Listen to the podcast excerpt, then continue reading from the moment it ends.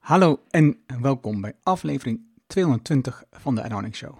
Wij leert van ondernemers en ondernemende mensen die bijzondere resultaten bereiken, hoe ze hier gekomen zijn, wat ze doen, de strategie en hoe ze klanten krijgen. Mijn naam is Arno en ik deel mijn opgedane kennis, ervaringen en expertise met jou. Ik coach ondernemers die kennis leveren aan bedrijven om beslissingen te nemen die hun eigen belang zijn, zodat ze sneller bereiken wat ze willen, terwijl ze meer vrijheid voor zichzelf creëren.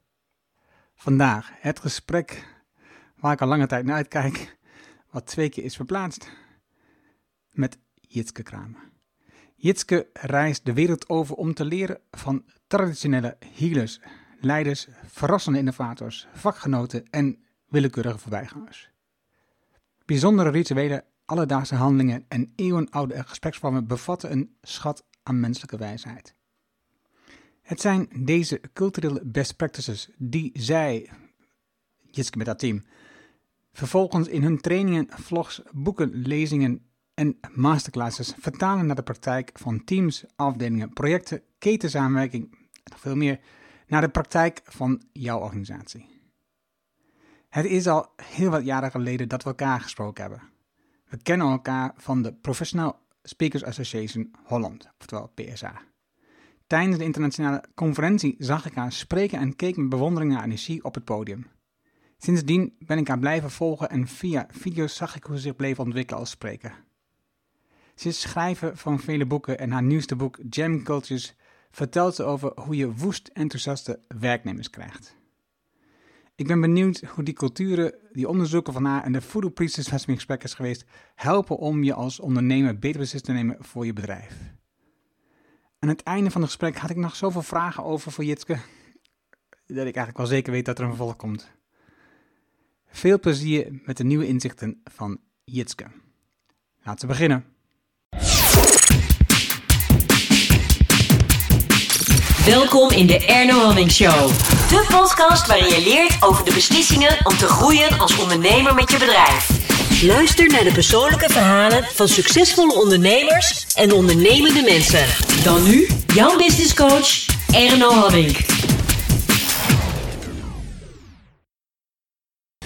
We zitten hier in het souterrain uh, kantoor van Jitske Kramer. Ja. Um, ik zeg altijd welkom in de podcast, maar eigenlijk um, kom ik in jouw kantoor. het is altijd heel raar om dan te zeggen welkom.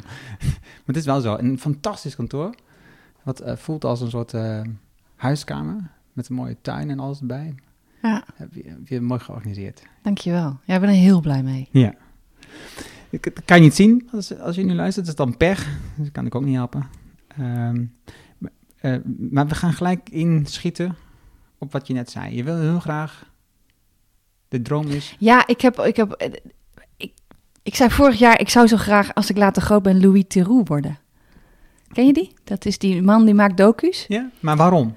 Omdat hij, wat ik zo mooi vind, hoe hij met een verwonderende, soms licht kritische, maar wel vanuit een open blik uh, groepen ingaat die hij niet kent. En ik vind hem daar, ik, ik weet niet, en dat zou ik dan ook natuurlijk op mijn manier willen doen. Ik bedoel niet dat ik copy-paste ga doen, maar dat idee. En, toen ik antropologie ging studeren, toen zei mijn moeder, um, weet je, maar dit wist ik eigenlijk wel, want toen jij heel klein was, toen heb jij ooit gezegd: Als ik later groot ben, dan wil ik naar een ver land en dan mag er alleen een fotograaf mee. En, uh, en, uh, en dat is ook zo. En, en waarom dat is, dat weet ik niet. Maar ik, ik ben gewoon in de basis een heel nieuwsgierig mens. En, um, en het mooie is dat ik afgelopen januari ben ik naar Togo gegaan. Op uitnodiging van een voodoo-priester. Die mij heel graag zijn voodoo wilde laten leren kennen.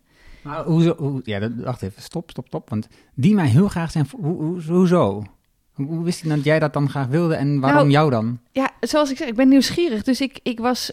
Alle, ja, dit verhaal begint in Suriname, logischerwijs. Daarom, daarom, daarom denk ik, oh, wacht even, breek, want er zit natuurlijk heel iets achter. Dus vertel. Ja, nou, ik was in Suriname uh, met mijn kinderen op vakantie. En uh, daar heb je de Marons. En dat zijn de uh, gevluchten tot slaafgemaakte. En die hebben hun taal en cultuur weten te behouden. Dus ik was heel nieuwsgierig van hoe dan.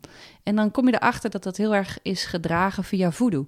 En voodoo is een oud natuurgeloof wat in West-Afrika zijn oorsprong heeft, in Togo, Benin. En um, dat is ook waar veel slaven vandaan gehaald. Dus, dus die, die, die religie is vanuit daar eh, richting Suriname en alle andere gebieden getrokken. En, ehm, en wat er zo mooi aan is, is dat het een, een, een, ehm, een ehm, muzikaal geloof is. Dus elke spirit, dus alles, alles heeft een spirit en elke spirit heeft zijn eigen eh, ritme. Een ritmisch geloof. Het is een beetje het, het geloofssysteem zoals de, de, het Griekse pantheon. Dus alle verschillende goden. En elke god heeft een eigen, speer, eigen muziek, eigen ritme. En dus als je die ritmes speelt en drumt, dan komen die spirits tot leven.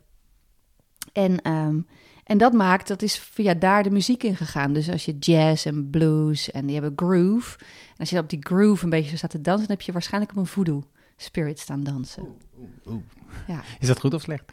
Ja, dat is dus de grap. Met voodoo denken wij, de meeste mensen, meteen aan poppetjes en aan black magic en doen een stap naar achter en Hollywood. En, en tegelijkertijd is dat het vervormde verhaal van voodoo. Want dat is het verhaal wat uh, koloniale machten ook wel heel goed uitkwam om te vertellen. Want als je dat als een beestachtig geloof afschildert, dan zijn de mensen die erin geloven, die kan je dus verhandelen en slecht behandelen. Dus voodoo, ik, ik kwam hier in Utrecht, uh, was, ging naar een voodoo festival, muziekfestival, dus met blues en, en, en, en nou ja, veel voodoo. Het heette een voodoo festival? Een hele voodoo festival. Okay. En dat werd geopend door een voodoo priester. En daar stond ik mee te praten. Ik ben natuurlijk nieuwsgierig, dus ik, ik, ik reis de wereld rond. Ik ben benieuwd hoe mensen dingen zien. En, en ik geloof altijd dat je daar wat van kan leren. Dus toen daar die voodoo-priester was, ja, dan, dan wil ik met hem praten. Dus ik stond met hem te praten en uh, vertelde mijn interesse in voeden. En hij vertelde hoe hij baalde van um, hoe mensen uh, in andere werelddelen en gebieden en in Europa naar zijn voodoo keken. Hij zegt, het is gewoon niet mijn, niet hoe ik het beleef. En um, ik heb twee avonden met hem staan praten en er waren veel filmbeelden met uh, de, de klassieke Hollywoodbeelden van, nou ja, enge poppetjes en bloed en dat soort dingen. En hij zei, dat, dat is het voor mij niet. En toen zei ik, hoe is het dan voor jou? En we over staan praten. Dus toen zei hij de tweede avond, maar waarom kom je dan niet gewoon naar Togo? Want dan kan je mijn voodoo ervaren. En dan kan je daar weer over vertellen, als je dat zou willen. En uh, nou, dat is goed. Dus dan, dan ga je, en wat heel leuk was, is toen ik... Ja, dat is goed, tuurlijk. Ja, dat, dat, dat, dat hoef je mij tegen mij maar één keer te zeggen. En, uh, en toen dacht ik, dan neem ik een fotograaf mee, want dan is die droom ook meteen rond. dus ik heb uh, Rijn van der Zee meegenomen en we zijn naar uh, Togo gegaan. En hebben daar een week lang. En ik dacht dat ik ging kijken. Um, maar uh, wat bleek dat hij had zeven priesters opgetrommeld. die voor mij vijf ceremonies hebben uitgevoerd. Dus ik ging niet kijken. Dus antropologie. Kijk, bij antropologie ga je kijken en begrijp je hoe een cultureel systeem of een organisatie of een groep mensen in elkaar zit. En dan heb je altijd bepaalde maten van participeren. Dus je probeert door een beetje mee te doen, snap je nog veel beter hoe iets in elkaar zit dan dat je alleen maar van afstand kijkt. Dus als ik... ik dacht dat het vooral een vliegende wand was, een antropoloog. Nee, hm. nee. Dus als je, je probeert de handelingen ook mee te doen om echt te snappen waar de spanning zit. Dus als ik wil weten hoe het leven van een uh, lagere schooldocent eruit ziet, dan kan ik een, uh, nou, je kan een interview opsturen. Dat kan, maar dan ga je interviewen, dan heb je, dan heb je data. Ik kan ja, een, iemand interviewen live, maar ik trek hem uit de klas en interview over hoe de klas is. Dan krijg je een beeld. Ik kan ook in de klas zitten als vlieg aan de wand. krijg ik een nog beter beeld. Ik kan ook zeggen, maar hoe, zou, hoe is het om docent te zijn? Waar loop je dan tegenaan? En dan kan je nou, ik ga stukjes les doen. En dan kom je nog veel dichter in de huid van wat iemand meemaakt. Dus antropologen, de, de methodiek heet participatief observeren. Dus participatief is, is meedoen en observeren is er naar kijken. En de mate van participatie die hangt af van je onderzoek. Als ik in een, uh, in een OK-onderzoek ga doen, dan kan ik niet zeg maar heel ver mee in de participatie van de chirurg. Dat lijkt me heel onverstandig. Yeah. Um, maar dus ik ging naar, naar Togo vanuit de gedachte dat ik ging kijken, als een vlieg aan de wand een beetje kijken, praten. Maar ik bleek dus uh, protagonist te zijn uh, van al die ceremonies. Uh, wat is dat? Dat is degene die de ceremonies ondergaat. Dus um, dat was heel intensief. En daar heb ik een boek over geschreven. Dus 11 november komt dat boek uit. Gelukkig, want dat wist ik natuurlijk. En dat is mooi dat je dat vertelt. Um, die, dat boek dat gaan we uiteraard in de show notes ook vermelden. Wat is nou het meest mooie en het meest vreemde dat je hebt meegemaakt in die week? Poeh, ik heb een aaneenschakeling van bijzondere momenten meegemaakt. Um, uh, je zou haast zeggen, het meest vreemde is als je uh, na een paar uur in een heilig bos jezelf naakt in het bos in je eentje, terwijl alle voorouders zijn opgetrommeld, moet wassen met kruidenwater, was wel een vreemde ervaring. Ehm, en gek genoeg was dat op dat moment helemaal niet zo vreemd. Dus ik, wat, wat zo mooi is, is dat ehm, omdat je zo helemaal in die context zit. Dus, dus antropologie zegt, we maken vreemd wat vertrouwd is en vertrouwd wat vreemd is. Dus ja, dat is, als je hier zit, ik heel raar dat je met een doek om en dat je een bos in gaat. Dan denk je, maar wat, wat dan? Terwijl als je daar bent en iedereen doet het, is het helemaal niet zo gek. Wat ik het meest, er waren een paar indrukwekkende momenten. En eentje daarvan was dat ik um, uh, in een uh, paar uur durende ceremonie van iets van 12, 14 uur duurde die, ik op enig moment een geitje op schoot kreeg. Um, en ik, zat, ik had alleen een panje, een doek, verder, verder niets. Dus, dus is heel minimaal kleding. En ik zat op de grond en het geitje werd bij mij op schoot gelegd, waardoor je buik aan buik zit. En keek me aan en weet je zo. En dat je dan beseft, maar dit geitje gaat dood straks. En dat, ja, er gaan wel meer dieren dood. We hebben hier geslachthuizen. Het geitje wordt opgegeten. Um, ik eet zelf inmiddels echt geen vlees meer, maar toen al nauwelijks. Um, maar weet je, dat is zo. En ik heb in mijn uh, uh, antropologencarrière voldoende dierenoffers gezien. En weet je, dat hoort, dat, is, dat hoort erbij. Maar op het moment dat je daar zit en een beestje op je schoot waarvan je weet... maar dit is mijn zondebok, is wel een ander verhaal. En, dat, uh, en, en ik wist niet hoe lang dat ging duren. Het heeft een uur geduurd. Dus ik heb een uur met het geitje op schoot gezeten. Waarbij echt zoveel levensvragen voorbij kwamen. Zo van, wat, wat is het leven eigenlijk waard? Wat is het leven van, van dit diertje waard? Er was ook een duif uh, die geofferd zou worden. En daar voelde ik dan niks bij. Daar voelde ik me heel schuldig over. Waarom is de geit wel en de duif niet? En, en, en kan ik dit nog stoppen? En waarom wil ik dit eigenlijk? En is het onbeleefd om het nu te stoppen? En uiteindelijk heb ik gevraagd of ze het konden stoppen. Um, drie keer. Dus het, uiteindelijk. En de priester was ook voor hem was het ook lastig, want hij wilde mij dit laten meemaken, maar hij wilde ook gastvrij zijn en mij ook, hij wilde mij ook gemakkelijk laten zijn. En hoe langer dit duurde, hoe meer ik dacht, ik, ik geloof dat ik het gewoon niet wil. En, maar je, dat kan niet. Dus, en daar dacht ik wel, dat is in het echte leven ook. Je hebt zoveel momenten dat je A gezegd hebt, ja, dan moet je gewoon door, weet je. Je kunt niet, ja, toch maar niet. Of, nee, nu moet je doorpakken. En dus, dus ik vroeg, kan het stoppen? En... Um, en toen kwam er een time-out en gingen alle priesters met elkaar praten. En toen voelde ik me daar weer heel stom over. En ik, le lekkere gast, weet je wel. En, en iedereen ging praten en uiteindelijk was het verhaal van, nou ja... Verstond je ze? Nou, we spraken een mengelmoes van Engels, Frans, Duits en Iwe. Nou, Iwe is mij echt heel slecht. Ja. Toen niet. Frans, alle andere talen een beetje. Dus we, we kwamen er telkens wel uit. Nou, en, en dan, werd er zo gesproken. En... Um, het was, ja, was van, nou ja, je hebt eigenlijk twee opties. We hebben op dit moment namelijk alle spirits uitgenodigd. Want ze hadden heel veel lopen chanten en zingen en dingen. En ja, die verwachten nu gewoon eten. Dus allereerst, het gaatje wordt niet voor jou geslacht, maar voor hun. Dat je denkt, oh ja, hoe, hoe egocentrisch kan je zijn? Dus dat, oké. En de tweede was van, ja, het is eigenlijk heel simpel. Als wij ze nu niet geven wat ze beloofd zijn, dus, dus bloed eten, gewoon drinken. Er is een feest en al je gasten zijn er. En je zegt, nou, sorry, geen buffet. Dan worden ze boos. En ze dan is het eigenlijk heel simpel. Het is of wij gaan allemaal dood, of het geitje. Nou ja, doe, doe dan het geitje maar. en dan hoor ik mezelf zeggen, maar doe je dat wel lief? Wat, wat ook een hele rare zin is. Wil je hem dan lief doden? Wat, wat, terwijl ik dat uitspreek, denk ik, wat, wat, waarom? En, en natuurlijk gebeurde dat niet zo lief. Uh, en, en nou, dus dat moment, dat uurtje, dacht ik aan de ene kant is dat soort van klassiek, zie je wel, voodoo is wel vreed, zo. Maar tegelijkertijd is dat het bijzondere uurtje op een hele week waar ik heel veel warmte, liefde, samen, dans, uh, zorg, uh, luisteren. Um. Dus het is een mengelmoes van dingen. En, en het mooiste vind ik vooral de realisatie dat als je zoiets heel voor jou vreemds instapt, dat je denkt dat je daar over de ander gaat leren. Maar dat is niet zo. Want je leert eigenlijk alleen over jezelf.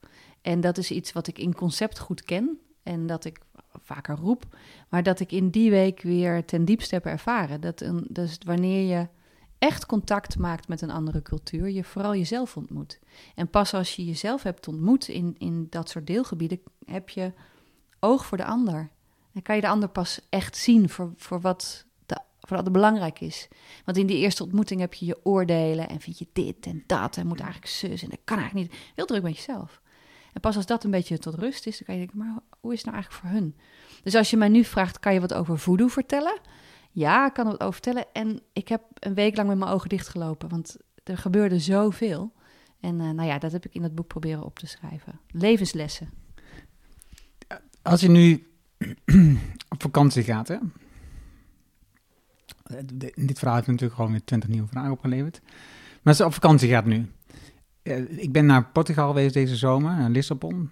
En, um, en ik dacht ook, ik wil wat meer uh, die cultuur leren kennen. Dus een belangrijk element hierin is historie. Dus ik heb veel gelezen over historie, uh, de slavernij, overheersing van de wereld, al dat dingen maar. En um, de taal. Voor mij zijn het twee hele belangrijke. Heb ik dan gelijk als ik dat zeg? Dat het belangrijke elementen zijn om, om de cultuur wat beter in zich te krijgen? Ja, absoluut. Dus taal, ja, de, de, de, bij geschiedenis weet je waar een groep vandaan komt. Kun je dingen plaatsen, kun je dingen duiden. En taal, zeggen ze wel, taal is de drager van de cultuur. Ja. Het, hoe, hoe ontdek jij dan jezelf? Is, speelt dat dan ook een rol als je op vakantie gaat? Ja, en voor mij, ik ontmoet de cultuur uh, minder. Ik lees ook, dus ik ook de geschiedenis. Maar ik, ik ga liever de lokale kroeg in. Of ik ga boodschappen doen in de supermarkt waar iedereen gewoon zijn boodschappen doet. En niet die dicht bij het hotel is. Dus ik vind het leuk om de cultuur in het hier en nu te leren kennen via dagelijkse dingen. Dus ik vind het ontzettend leuk om op een lokale uh, voetbalcompetitie te stuiten, waar dan schoolkinderen spelen. Daar is de cultuur in actie, zeg maar. Dus, en als je dat doet, dan kom je veel, dan is het veel dichterbij. Dan is het soort van rauwer. Ik, ik, een ander mooi voorbeeld, ik ben naar Borneo geweest uh, deze zomer. Gewoon op vakantie met mijn kinderen. En um, we gingen naar een, uh, een, naar, eerst naar de koppensnellers, dus naar de IBAN, dus de oude koppensnellersvolk. En nou, dat was fantastisch leuk. En daarna, uh, en veel geleerd weer over koppensnellers, andere keer. En daarna gingen we naar een tropisch eiland. En dat was een uh, gewoon klassiek, doe je ogen dicht, zo'n tropisch mooi bounty-eiland. Zo, prachtig. En we zaten daar en het was heel afgelegen. Er was een paar uur per dag elektriciteit en we zouden daar s'avonds leven slapen in een eenvoudige lodge. En, um, maar wat we niet wisten, is dat elke dag uh, tussen 10 en 3 werd dat eiland bezocht door zo'n ongeveer 300 Koreanen met selfie-sticks. Dat had ik niet helemaal verwacht. En wat dan heel fascinerend is, dus ja, wie ontmoet nou wie, zeg maar. Dus wij zaten in die lodge. De, de, enige toeristen die, die kozen voor dat min of meer afzien, dat waren zo wat verdwaalde Fransen, Duitsers, Nederlands. Wat van die romantiek zoekende Europeanen zo, waar wij dan bij hoorden. En dan die Koreanen. En die Koreanen die kwamen foto's nemen. En die zaten een chartervlucht die gewoon uit Korea heen en weer naar Kota Kinabalu ging, wat, wat de, de, de havenstad daar is. En uh, er is een eiland is gekocht door een Koreaan en die heeft daar gewoon uh, een resort gebouwd. En, en zij komen selfies nemen. En wat ik daar dus realiseerde, is er was ook op datzelfde prachtig idyllische standje stond zo'n zo'n barretje wat je hebt. Weet je wel? Gewoon zo'n tropisch barretje.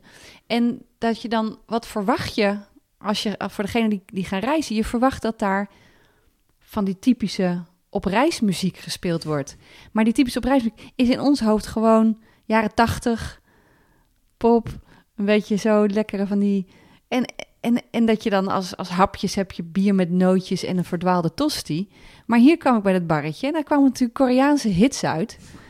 En, en Koreaanse snacks. En dat je denkt, ja, waar, wacht even. Dat alle reizen wat we doen, dat wordt gewoon geketerd voor de toerist. Dus wie ontmoeten we nou eigenlijk? Dus alle Bali is, is, is, is heel hip en, en, en, en gewild. Omdat het gewoon heel goed voor ons geketerd is. Is niks Balinees aan. Weet je, dat is gewoon een mooi. En dus, dus ik besef me bij het reizen heel erg hoe je eigenlijk ook, ik ook, graag zoekt naar die plek. Ik ben daarna doorgereisd naar Yogyakarta. Maar ik dacht, hè, dit is wat ik bedoel. Maar ja, dit, dit is het besef van een, ja, lokale restaurantjes met een Europees tintje, zou je kunnen zeggen, met een beetje leuk licht. En, dus we zoeken heel erg onszelf op terwijl we op reis zijn. Of je, je zoekt het verhaal wat je al kent of wat je herkent. Of je, je zoekt, nou ja, je drinkt de port in Portugal, waar, je denkt, ja, ja, dus, je, je zoekt zo erg wat je kent. Dus je, je, je, ik denk dat we heel vaak heel erg onszelf aan het zoeken zijn, ook. En dat het, uh, het echt van de gebaande paden, Dus het echt het lokale induiken ehm, is vaak helemaal niet zo comfortabel. Want het is, ja, eten kan je niet lezen, je snapt het eigenlijk niet.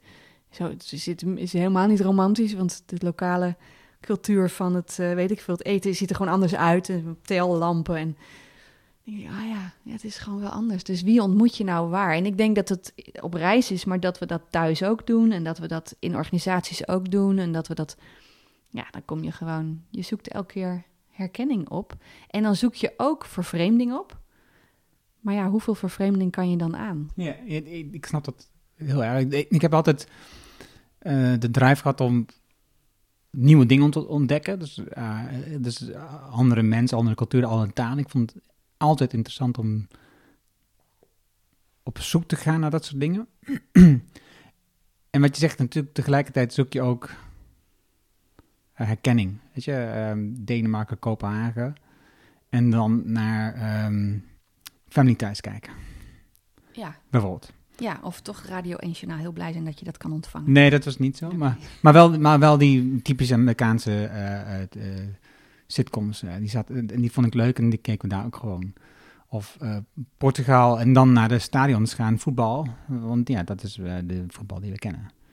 En, en ons bij een hele gezin is het allemaal wel een beetje voetbalmijnen, dus het past er wel, daar gaat niet om. Maar dat, ja, op zoek naar de bekende trekpleisters. Um, terwijl ik vind het het leukst om de hele aparte ding op te zoeken. Een Chinees restaurant in Portugal, van een Duitse Chinees. Die kindertjes die gewoon in het restaurant rondlopen, die vader die alleen in de keuken staat en hele maaltijden in elkaar bereidt en lekker. Maar ja, gewoon wel een chaos. En je ziet maar welk gerecht je op dat moment krijgt. En het is gewoon echt één chaos. Ja, ik denk, ja, dit is wel, dit is wel Chinees. Dit is wel, dit past gewoon. Het is wel mooi om te ontdekken. Het is wel grappig dat dat in Portugal, het gaat niet om. Maar ik vind dat dus mooi. Ik vind dat mooi. En, en, en ik, ik maar het is wel interessant dat, dat je, wat je eruit oppikt, het is een chaos. Ja, tuurlijk. Dus dat, dat, maar dat, dat, is al zo mooi. Dat is eigenlijk alleen maar jouw... Je hebt dan vooral je eigen ordeningsverwachting ontmoet. En dat, is zo, dat vind ik er zo mooi aan. En, um, uh, en als, ik denk als we dat doorhebben... dat we tot nog beter contact en mooie gesprekken kunnen komen. Oké, en hoe... hoe Wacht, voor nog, want ik had nog een andere vraag die ook nog in mijn hoofd zit. Um, even terug naar Tero. Jouw reis, fotograaf mee. Dat was wat je moeder zei, dat, dat je dat ooit zou gaan doen, wat je had gezegd. Is nu je droom is verwezenlijkt? Is het nu klaar? Nee, is het begin. Ik heb mezelf um, vormvrij genoemd. Ik heb heel lang gezegd, als jij mij vroeg, wat ben je of wat doe je? Dan zei ik, ben trainer. En dat heb ik twintig jaar gedaan met heel veel plezier en lol. En op een gegeven moment dacht ik, ik, ik wil eigenlijk geen trainer meer zijn. Ik wil wel trainingen geven, maar het niet meer zijn. Dat is iets anders. En, um, maar als je dat dus niet meer bent, wat ben je dan wel? Nou, en, en toen dacht ik, ja, dan ga ik lezingen geven. Dat doe ik natuurlijk heel veel. Dat vind ik heel erg leuk. En ik ben er wel achter dat het verhaal waar ik mee bezig ben, dus uh, cultuur, uh, conflict, uh, verschil, diversiteit, leiderschap, verandering. Nou, ik geloof dat ik daar de komende 80 jaar nog wel mee zoet ben, weet je wel. Dat, maar de vorm, dus, dus ik kan erover schrijven, ik kan het theater in, ik kan televisie doen, ik kan docu's maken, ik kan reportages maken. Dus wat ga ik allemaal doen? En, en daar ben ik wat vormvrij in. En met dat ik dat heb geroepen tegen mezelf, komen dus ook uh, andere dingen voorbij. Dus ik ga nu in, um, in januari ga ik mee uh, met de documentaire die uh, Patterns of Life heet. Patterns of Life, patronen van het leven. En um, die worden vier tribes bezocht en onderzocht en gefilmd die tatoeages hebben. Waar? In uh, onder andere India sowieso, twee in India. Waarschijnlijk één in uh, Borneo en nog eentje is vakant. En dat zijn filmers die dat doen. En ik, mag, ik ben gevraagd om mee te gaan voor één episode. Dus ik ga nu daadwerkelijk met een filmcrew uh, India in in dit geval. En zij gaan dan een docu maken van ja, een half uur of zo per, e per episode. En dan kijken we of we dat bij een, een zender verkocht kunnen krijgen. Dus dat is ontzettend leuk. Dus, dus ik, de stapjes naar Teru worden slowly by slowly ben ik die aan het zetten. En dat vind ik ontzettend leuk. En, en mijn eigen vorm daarin vinden. En, uh, en, en nieuwe vormen vinden om hetzelfde verhaal te vertellen. Dus ook op podia. Dat ik denk, ja, hoe, wat kan je allemaal doen? Je kunt, een, je kunt een lezing geven. Dat is heel erg informatieoverdracht. Maar je kunt ook Proberen de emotie erbij te pakken en hoe belangrijk dat is. En ehm, zeker bij de onderwerpen waar ik over spreek. Dus als ik kijk naar, naar inclusie, diversiteit, daar kan ik heel veel informatie over geven. Ik kan vertellen over mindbugs en over in- en uitsluiting, over machtsdynamieken. En, maar uiteindelijk is het een emotioneel vraagstuk. Dus als je die emotie ook wil meenemen in het vraagstuk. Het is een beetje, ik, ik heb ooit, was ik ergens en daar op een conferentie, daar was de, de slogan was, if, uh, if the heart of power really wants it, it'll be done in 24 hours. Dus als het hart van de macht echt meer diversiteit en inclusie wil, dan is het met 24 uur geregeld. Nou, is 24 uur misschien wat snel. Um, het hart van de macht helpt. Maar ik ben ook verder gaan denken, ja, het hart. Als het hart het echt wil, dus als jij het echt wil, als ik het echt wil, dan, dan lukt het echt wel om in deze diverse samenleving met elkaar samen te werken. Daar, daar kan je allerlei theorieën dan over hebben. Maar als het hart het wil, maar ja, dan kom je bij het punt, wat, wat wil dat hart? En ik weet niet hoe met jouw hart is, maar mijn hart wil heel vaak twee dingen tegelijk die niet per se verenigbaar zijn. dus, dus hoe, nou, en daar ben ik mee verder gegaan. Dus, dus daar heb ik, nou, Jamcode is natuurlijk over geschreven, het boek. En, en de lezingen ben ik ook gaan kijken van, oké, maar hoe, hoe kan ik dan die zoektocht die omgaan met verschil met zich meebrengt, en die creatie die heel leuk is, maar soms ook heel irritant. En de verandering die we allemaal ergens wel snappen, maar als we erin zitten, niet altijd leuk vinden. Hoe kan ik dat um, ja, verwoorden, dat overbrengen? En dat is de zoektocht waar ik, als ik nu kijk naar mijn podiumwerk, middenin zit. Van hoe kan ik dat nog mooier, fraaier, helderder uh, op een podium brengen? Want in jouw boek staan tussendoor gedichten, verhalen. En die draag je ook op het podium voor. Dus ik heb een aantal van YouTube-video's Ja. bekeken en dan draag je dat podium voor. Ja, met muzikanten, met Ja. trompetist, violist. Ja. Is dat, is dat zoiets wat je bedoelt? Dat je zo'n vormtest probeert of dat... Ja, dus, dus wat ik daar ben gaan zoeken, van dan denk je, dan heb je, ik noem het maar spoken word. En denk ja, daar zit in ieder geval in die tekst, toen ik het boek schreef, denk ik van ja, daar zit, er zit uitleg, het is gewoon mijn vakgebied, dus daar kan ik gewoon verhalen over vertellen. Maar, en dan moet je dan nog netjes opschrijven, maar ik dacht, ik wil die andere struggle ermee, die menselijke kant, wil ik plek geven. Dus ik heb mijn eigen pro- geprobeerd in wat ik ervaar in het boek te schrijven. Toen dacht ik, ja, als ik dat ook zo'n plek op podium geef, dan is het, hoe vet is dat om dat met soundscapes te doen? En dan als het spoken word is, dan ook echt. Ik bedoel, ga niet zingen, kan niet rappen, maar dan mijn eigen manier. Nou, en dan, en dan kijken, dan, dan, nou, denk ik, ja, dan wil ik nou wel met echt goed. Dus ik heb met, met eh, Sietse van- Gorkum, dat is eh, violist die ook bij Cartman Orchestra heeft gezeten. En gewoon echt een goede muzikant. Zo, kan je hier nou soundscapes op maken? Ja, dat kan ik wel. Dus dan heb ik zes hele mooie soundscapes die passen bij die specifieke spoken word, waardoor we live kunnen jammen. Dus we hebben, de, we hebben de band en we hebben, ik heb graphics laten maken. Dus je hebt ook, zeker op grote podia, het prachtig. Heb je achter me heb ik gewoon heel veel bewegend beeld. Die past bij wat ik voordraag. En, ehm, en dan met live, met, eh, ehm, vaak met Rob van der Wouw, trompetist. En Sietse, dus eh, violist. Jammen. Want een van de dingen, denk ja, als ik het heb over ehm, samenwerken in een manier dat je elkaars verschillen onderzoekt. Dat is als, voor mij is het als een jam sessie of impro. Je kunt dat niet plannen, je hebt geen partitude. Dat heb je soms ook bij andere dingen. Maar wanneer we echt het verschil induiken, we weten niet waar we uitkomen.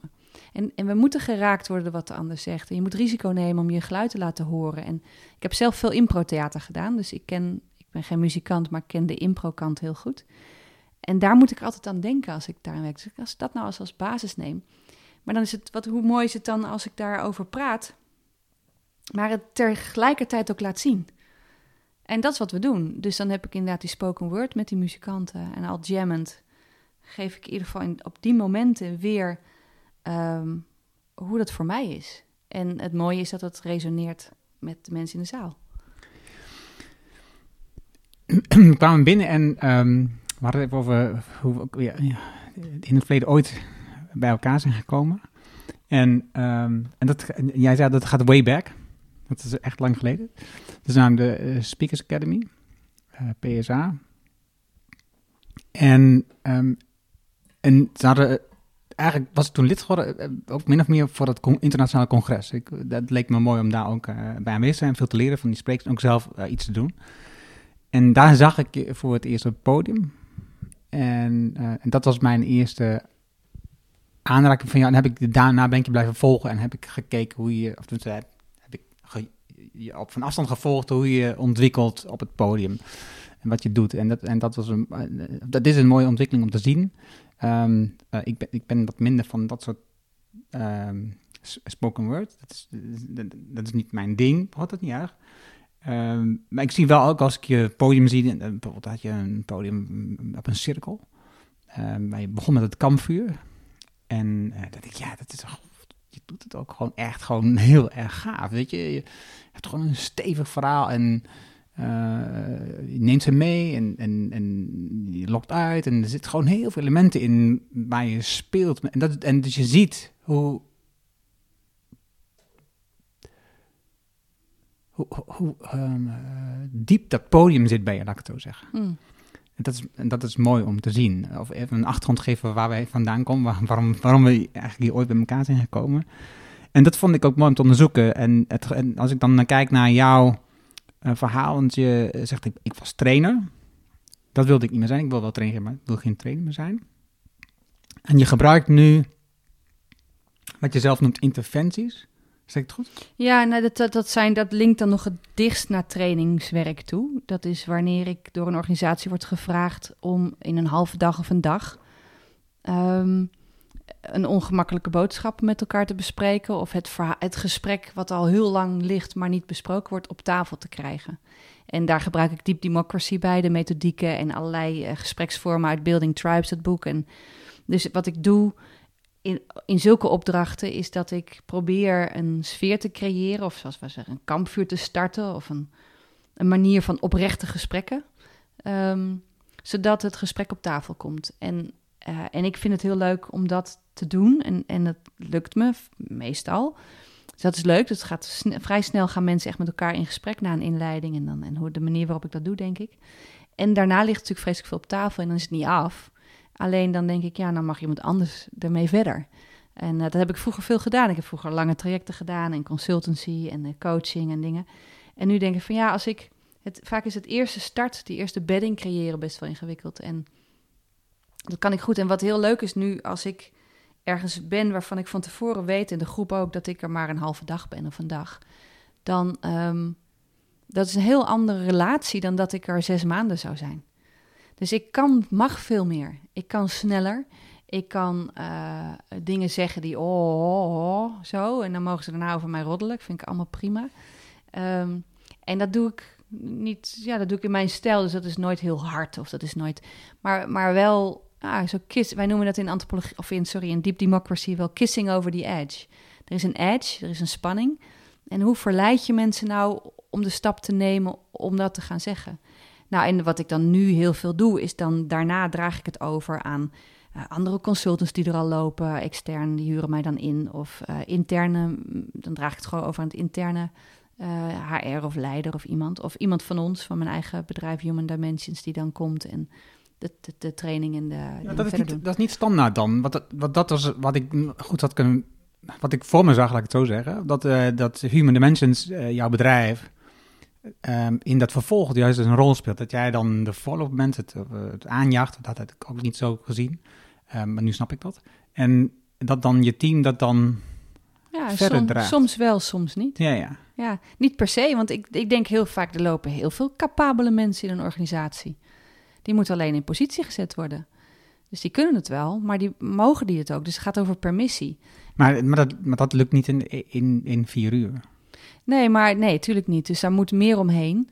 Um, uh, het hangt een beetje vanaf wat mijn opdracht is. Kijk, soms word ik echt, dan, dan zijn er al mensen daarmee bezig. En die hebben dan één iemand nodig die het verhaal komt doen. Ik heb een grote klus gedaan bij uh, uh, VRT in België.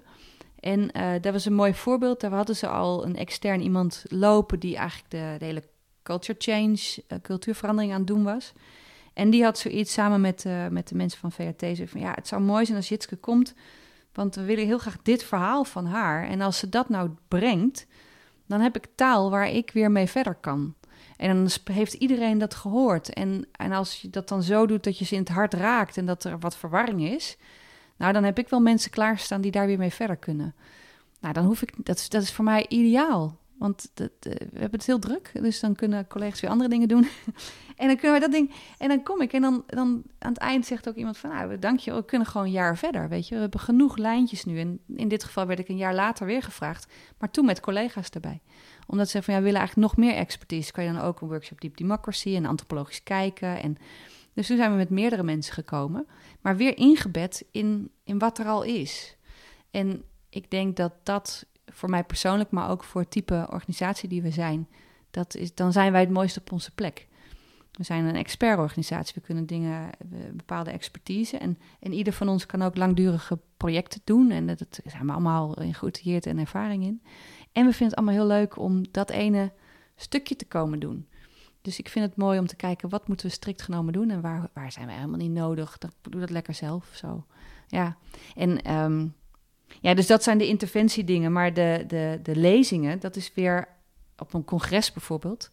Dat is alweer wat anders. En wat ik, wat ik daar, je zegt het podium zit zo in je. Wat ik, wat ik mijzelf heel erg heb beseft de afgelopen jaren is dat. ehm, eh, ik heb altijd veel theater gedaan. Ik heb vooropleidend theater gedaan. Dus ik ben eigenlijk klaargestoomd om naar toneelschool te gaan. Heb ik niet gedaan, ben antropologie gaan studeren. En eigenlijk in die hele studie antropologie, is ook een academische studie, en wordt je geleerd jezelf heel goed te leren kennen om jezelf eruit te kunnen filteren. Dat is een beetje waar we net over hadden. Je ontmoet iets anders, een andere cultuur. Dan moet je jezelf heel goed kennen voordat je de ander kan ontmoeten. Dus antropologie is heel erg op gericht dat te kunnen doen, zodat je ja, zo objectief mogelijk kan laten zien wat je ziet, zeg maar. Dus dat is een wetenschap. Maar dit- maar Waar dat, is je- toch- dat is ook een reis. Het is een reis, maar je haalt in het eindproduct zit jouw stem er zo min mogelijk in. Ja, ja. Maar want, want als je dan terugkijkt naar je verhaal van de, van de voodoo, eh, ja, dan is het een volledige reis van jezelf uiteindelijk. Ja, en dat is ook geen wetenschappelijk boek. Nee, dat is, Dus, dus, dat- dus als ik dat- daar een ja, ja, ja. antropologische studie van wil maken, dan heb ik, ben niet. ik niet Ja, geslaagd. ja, nee, dan kan dat. Oh, ja, nu snap ik hem. Dus, dus het is, daar heb ik ook gekozen van ik ga, het boek vertelt ook mijn verwondering, mijn verhaal. Ehm, maar, en, en, maar die antropologie zorgt ervoor dat je leert jezelf eruit te doen. Toen ik trainer werd, eh, als trainer moet je zelf ook eruit halen. Je mag je af en toe een beetje erin zetten. En toen werd ik coach en eh, heb ik onwijs veel teams begeleid en, en mensen één op één gecoacht. Het is ook niet de bedoeling dat je jouw verhaal aan het vertellen bent. Dus ik ben twintig jaar lang eigenlijk op allerlei manieren geleerd mezelf uit het verhaal te halen. Dan moet je daar wel jezelf heel goed voor kennen. Dus, dus dat is, maar het eindproduct ben je uit. En toen ging ik die lezingen geven. En steeds meer lezingen geven. En een lezing kan je geven met informatie waar je jezelf uithaalt. En dat is heel mooi. Maar als je dat meer dat echte podiumwerk, waar de zalen groter worden, dan willen mensen willen niet dat je jezelf eruit haalt. Die willen dat je jezelf erin zet. En dat was voor mij echt een soort, oh, wauw. En dat weet je wel, dat keynote speakers zeggen, nou, een keynote is dat je dan je eigen verhaal vertelt en zo. En dat, dat duurde voor mij heel lang om echt te snappen wat, ik, ik, ben niet, ik ben niet achter, ik snap het wel, maar om echt te voelen waar het over gaat. En dat is nu waar ik nu middenin zit. Ik denk van, oké, maar dus hoe kan ik dan, en, en dan, wat er dan gaat gebeuren, dan komt je artistieke vrijheid. Want dat is de kunst. Om jezelf er weer in te schrijven, is kunst. En dan zit je inderdaad in de kleinkunst en in de muziek en in beelden en in verhalen en, eh, en in kleine voorbeelden uit je eigen leven. En, ehm, en dan, dat is wat ik nu heel leuk vind. Oké, hoe kan ik dan nu de combi maken tussen zeg maar die, die grotere lijn en die grotere thema's en mijn expertise op, op al die deelgebieden. Maar het op een podium zo vertellen dat mensen het nooit meer vergeten. En dat nooit meer vergeten, dat kan alleen maar als je het over de verhalen, de emotionele kant doet. En dan moet je jezelf erin schrijven. En, en dat ben ik, ja, daar zit ik nu middenin in die zoektocht. En dat vind ik ontzettend leuk. Het is een nieuw vakgebied. Is, is het... Oh, wacht even. Hebt nog een andere vraag. God, niet... Houdt niet op dit. Ehm, je, hebt Human Dimensions, dat is je bedrijf. Eh, d- dat is jouw bedrijf. En ehm, je zei het, hè, dus ik was trainer en ik ben nu geen trainer. Ben je nog wel ondernemer? Enorm. Je noemt jezelf ook. Nee, nee, ik, het is geen voordeel. Dus, eh, dus je noemt jezelf, want je zei, ik, ik, ik zoek de vrijheid hierin. Dus je noemt jezelf ook nog ondernemer. Jazeker. Ja, en, en ondernemer op veel vlakken. Dus ondernemend in, in, in vorm. Wat, wat, is het, wat, wat is mooi om op de markt te zetten en aan mensen aan te bieden? Type trainingen, we maken nieuwe trainingen. Ehm, hoe, hoe brengen we die onder de aandacht? Wat doen we daarmee? Uh, dus daar ben ik ondernemend in. Met, welke, met wie werk ik samen, met wie niet en hoe ga ik dat doen? Uh, welke activiteit pak ik wel of niet op? We hebben het geluk dat, er, wat we meer vragen hebben dan dat we aan kunnen. Dus dan kom je op een selectievraagstuk. Wat gaan we wel of niet doen? Um, op dit moment is het zelfs soms zo dat, dat wij nu mailtjes krijgen van klanten die pitchen waarom, of ik alsjeblieft overwegen om bij hun te komen spreken. Wat, wat, de eerste keer dat ik het kreeg, wauw, weet je, kijk nou, dat, wat bijzonder. En um, dus het ondernemerschap zit erin keuzes maken van welke, ja, wat, wat wil ik daar dan in? Welke wil ik wel of niet doen? En ondernemerschap, we zijn nu met z'n achten. Dus uh, uh, twee, nee, negenen, negenen. We hebben net iemand erbij.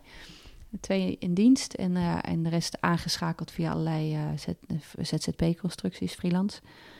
Um, en ik ook denk, nou, ik vind het wel groot genoeg. Je wilt niet groeien. Dus, dus dit, is, dit is genoeg. Ja, je, bent, je was eerst met twee en uiteindelijk ben je nu negen. Dus waarom kun je niet verder groeien?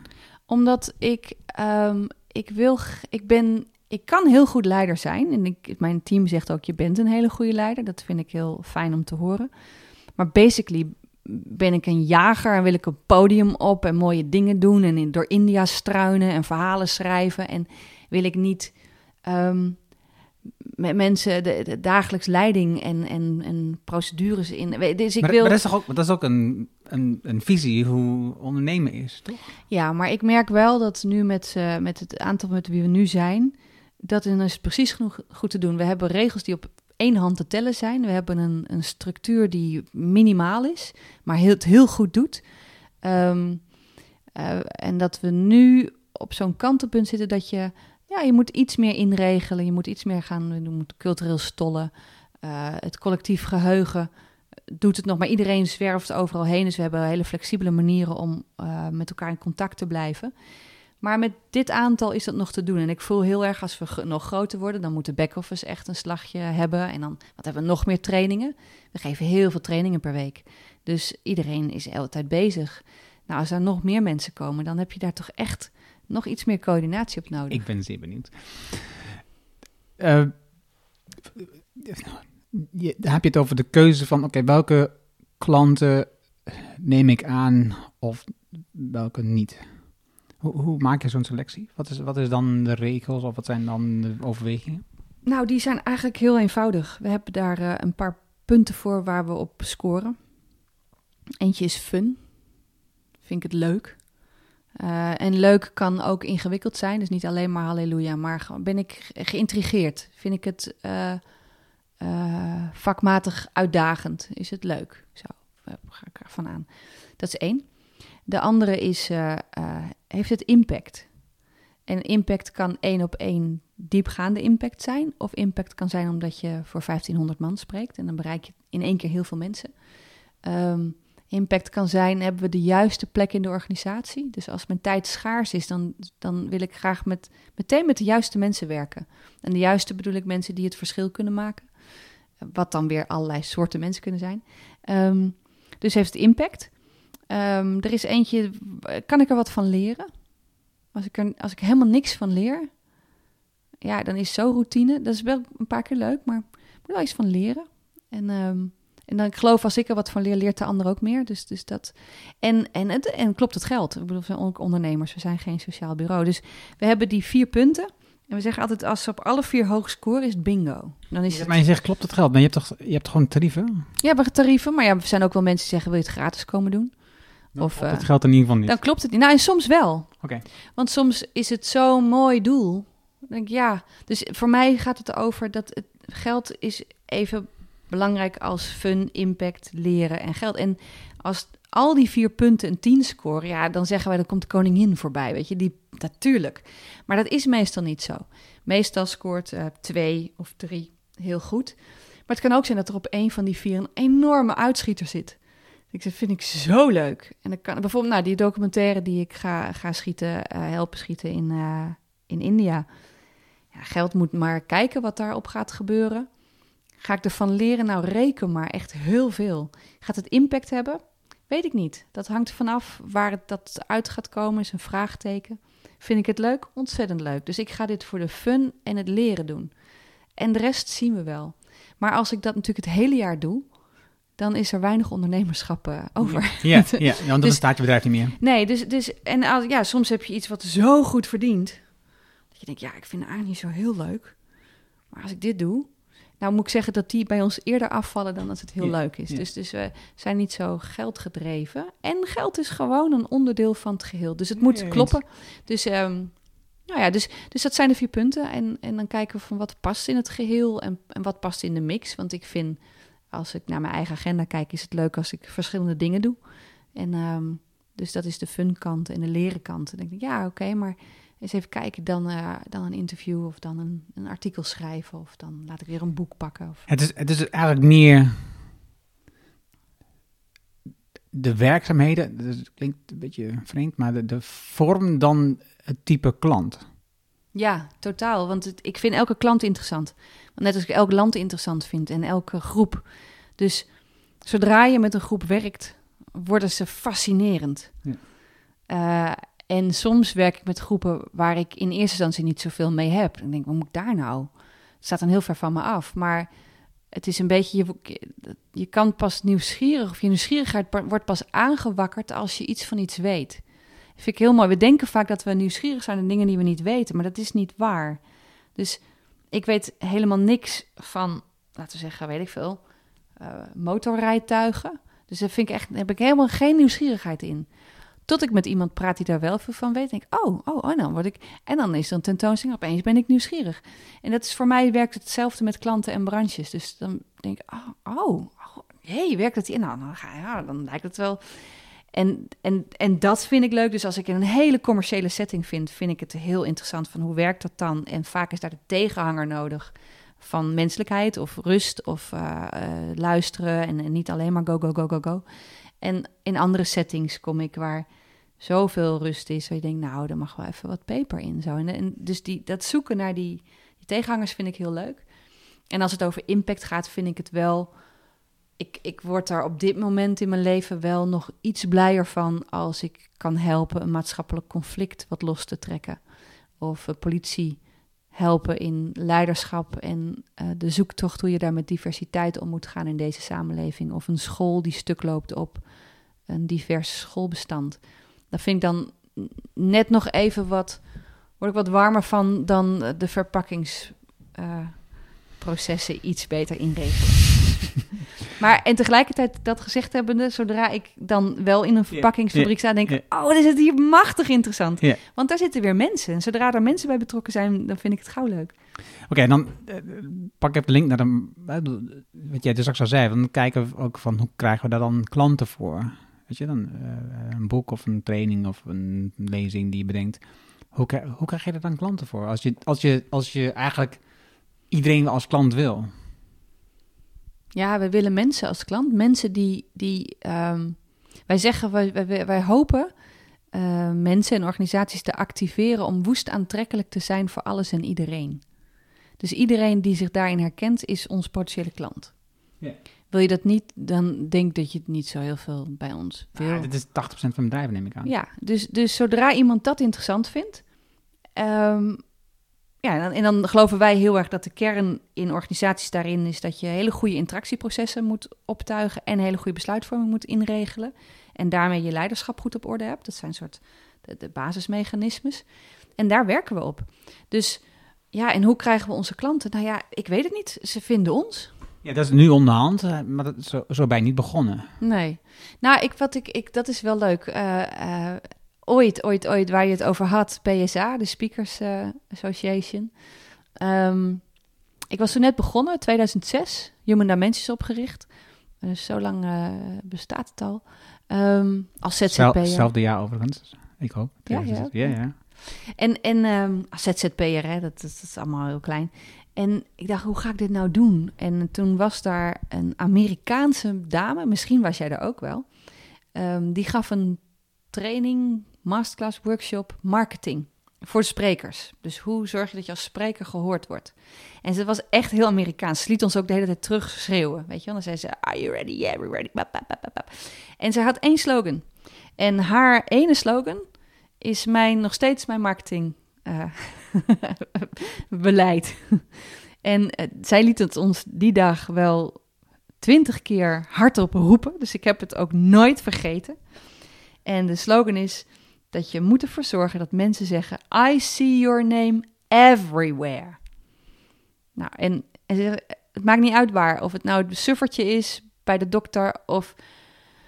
It doesn't matter, as long as they see your name. En dat, dat moet natuurlijk gekoppeld zijn aan expertisegebied. Ik bedoel, maar, maar waar ze het zien, doesn't matter. En ehm, ze had wel zoiets van, het moet wel... Het is wel fijn als het positief is, dus dat wel. En je moet natuurlijk zorgen dat je dan een soort consistentie hebt in je verhaal. Dat mensen snappen waar je, waarvoor ze bij je moeten zijn. En toen ik dus begon met dit werk uh, in mijn eentje, ik had al wel een goed netwerk. Dus ik kwam bij Boertien Training vandaan. En daar waren veel mensen al uitgezworven. Dus ik had al in heel veel organisaties mensen die mij kenden. En ik werkte toen al tien jaar rond het thema, of acht jaar of zo, uh, internationaal, internationaal teamwerk, verandering, cultuur, dat soort dingen. Dus ik werd al wel gevonden. En toen dacht ik, ja, dan moet ik, dat vind ik wel een goede tip. I see your name everywhere. Dus laat ik dan maar ja, artikeltjes gaan schrijven en een, een boek, een boek gaan schrijven. En uh, voor lezingen, dat gaf ik niet zoveel. Dat was voor mij nog een marketing tool. Dan ging ik googlen op uh, call for proposals. En dan werden de sprekers gevraagd. En dan zei ik, nou, ik ben een spreker. En dan mocht ik in zaaltje X voor... Ja, we hopen dat je 50 krijgt. Dan had je de 5, weet je wel. Zo heel dramatisch. En dan maar doorzetten en gewoon doorgaan. En eigenlijk ben ik ja, in, in tien jaar tijd van het lezingencircuit van die bijzaaltjes naar het hoofdpodium geschoven. En inmiddels opening of sluitingskeynote. Dus dat is wel heel tof. En dat is gewoon doorzetten. En, en kwaliteit leveren. Dus wat er, als je alleen maar je naam en je levert geen kwaliteit, gebeurt er niks. Dus het was, als ik op die congressen stond, zo tien jaar geleden, dan stond ik in zo'n zaaltje en dan, oh, dan had je helemaal voorbereid en dingen. En dan kwamen er vijf mensen. En dan, en dan ah, dat was heel demotiverend, heel. Word heel onzeker van. Dan denk ik, ja, het heeft geen zin en ik ben slecht. En, en, dan, en dan gebeurde niks. En dan moest je oprapen, want dan voor die ene vijf. En dan, dan, en dan goed werk leveren. En dan gaan die vijf naar buiten en die zegt tegen anderen, je hebt echt wat gemist. En, en zo ging dat lopen en zo gaat het eigenlijk nog steeds. En ik denk dat wat er, ehm, wat een hele belangrijke is geweest, uh, is deep democracy. Methode die ik heb leren kennen, die van oorsprong uit Zuid-Afrika komt waar ik erg door geïntrigeerd was en ben. Omdat het zo'n mooie manier is om uh, het echte gesprek te voeren, wat echt gevoerd moet worden. Om sabotage in groepen tegen te gaan. Om daadkrachtige besluiten te nemen. Um, inclusieve besluiten mag je het ook noemen. En die methode leren kennen en daar ben ik me in gaan specialiseren. En de founder goed leren kennen. En zeg, mag ik het boek voor Nederland schrijven? Nou, dat was goed, dus ik heb Deep Democracy geschreven. En dat is uitgekomen, ik geloof in 2005 of zo. zo, zo ik weet, nee, later. Veel later, 2012. Ja, zoiets. Nee, 2005, 6 ben ik ermee in aanraking gekomen. Toen eerst opgeleid. Toen moest ik naar Zuid-Afrika heen en weer vliegen. Dat was een heel lang proces. En toen boek gaan schrijven. Trainingen gegeven. En, en die trainingen begonnen met dat ik, ja, bevriende collega's min of meer onder dwang in een ruimte zette. Dit is echt heel goed. En dan kwamen ze. En, en dat is ook van ja, mond tot mond eh, gewoon doorgaan rollen. En ik, dat is eigenlijk wat er nog steeds gebeurt. Mensen komen omdat ze van anderen hebben gehoord. En, en dat combineer ik met nou ja, de gedachte I see your name everywhere. Um, gelinkt aan goede content. Dus als ik nu kijk, hoe krijgen we onze klanten door content te geven? Wij geven heel veel content op onze website, free downloads, YouTube-kanaal met allemaal filmpjes. Heel veel lezingen staan er integraal op. Um, de boeken staan alles in. Dus we zijn heel erg, eh, wij geven graag. Geen, angst voor dat je je kennis teruggeeft?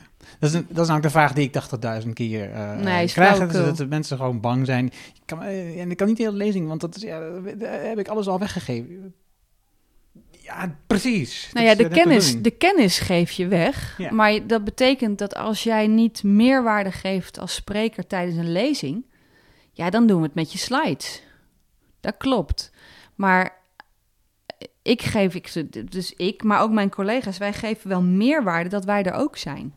En ik geloof dat mensen altijd terug naar de bron komen. Dus dat is geen enkel punt. Ehm, en eh, als het gaat over lezingen, ik zet niet elke lezing integraal erop. Daar heb ik wel wat regie op. Dus als klanten dat opnemen, dan zeg ik nou voor het intranet of stukjes, maar gooi het niet op YouTube. Ik wil wel weten, een beetje controle wat er speelt. Maar ik zet veel integraal erop. En ehm, ehm, het effect is eerder nu, nu ik natuurlijk langer werk en ik ik gebruik heel veel verhalen. Ik heb wel tien verschillende lezingen. Ik heb zoveel boeken. Dus ik heb al die verhalen. Ik moet elke keer kijken welk verhaal pak ik. Maar nu kom je op het punt dat mensen doen verzoeknummers. Net als bij een band. Doe je dan wel dat en dat verhaal of dat en dat verhaal? En dat is in het begin schrok ik daar een beetje van. Heb je het al gezien dan? Ja. En dan, oké. En dan als ik dan nu ergens sta en ik, ik vertel wat, dan zie ik ook degene die weet elkaar zo aanstoten van, ja, daar komt hij. En eh, ja, dat, dat is ook wel weer grappig. Dus... Het, is, het is natuurlijk gewoon super logisch. Alleen, ik had een vergelijkbaar gesprek met um, Elisabeth Griffioen. Zij is de videovakvrouw, ook in Utrecht overigens, niet ver van hier. En daar ging het over um, uh, video's beter maken. En zij zegt, een, een heel belangrijk element om video's beter te maken is een script gebruiken dat je weet wat je gaat zeggen, dat je van voor hebt opgeschreven, zodat je um, je video veel sneller kunt opnemen, dat je ook gewoon dingen zegt die logisch zijn, dat je, dat je een volgorde krijgt die logisch is. En het grootste tegenargument wat zij de krijgen, is dat dan is het dus niet meer creatief. Weet je, dan is het, dan is het, dan is het proces van creativiteit is eruit. Terwijl als wij naar een band gaan, luisteren, die wil erg gaaf vinden, dan willen we wel al die oude nummers horen, die we allemaal al kennen van cd's. Dan luister die cd's, ze, het liefst willen dat ze exact hetzelfde zingen, want dan kun je niet van meezingen. En dat vinden we nog steeds super gaaf. Ja, dus, waarom, dus waarom niet, als jij een verhaal vertelt, willen ze gewoon datzelfde verhaal nog een keer? Dat is, dat is eigenlijk hetzelfde. Ja, hetzelfde. En wat heel mooi is, is dat je een. Ik, ik, ik ben het wel. Ik doe nooit iets uitschrijven. Niks is gescript bij wat ik doe. Dus ook niet als ik filmpjes opneem of ook niet. Ik, dan ik heb wel een beeld, dus ik, ik ben beelddenker. Dus ik heb beelden. Ik heb wel een soort storyboard in mijn hoofd. Dat is een beter woord. Dat zijn mijn slides ook. Dat is mijn storyboard. Um, maar dat maakt dat het verhaal zich altijd in het hier en nu laat. Het ontstaat echt hier het hier en nu. Dus ik vertel wel verhalen die ik eerder heb verteld. Ik kan niet anders, weet je. Ik kan niet elke keer een uur helemaal nieuw maken. Dat is ook niet de bedoeling. Het lijkt me voor alle partijen een slecht idee. Ehm, maar ik, ik mix. En, en als je in zo'n storyboard... Als je in één lezing, weet ik veel, iets van vijf, zes basisverhalen waar je dingen omheen vertelt. En als je alleen al de volgorde verandert dan verandert die hele feel van, van, die, van dat verhaal. En als ik um, uh, dus kijk naar alle... Mo ik heb een, weet ik, ik noem het maar zo'n slide pack van, weet ik veel, 500 slides. Met andere woorden, gewoon heel veel verhalen.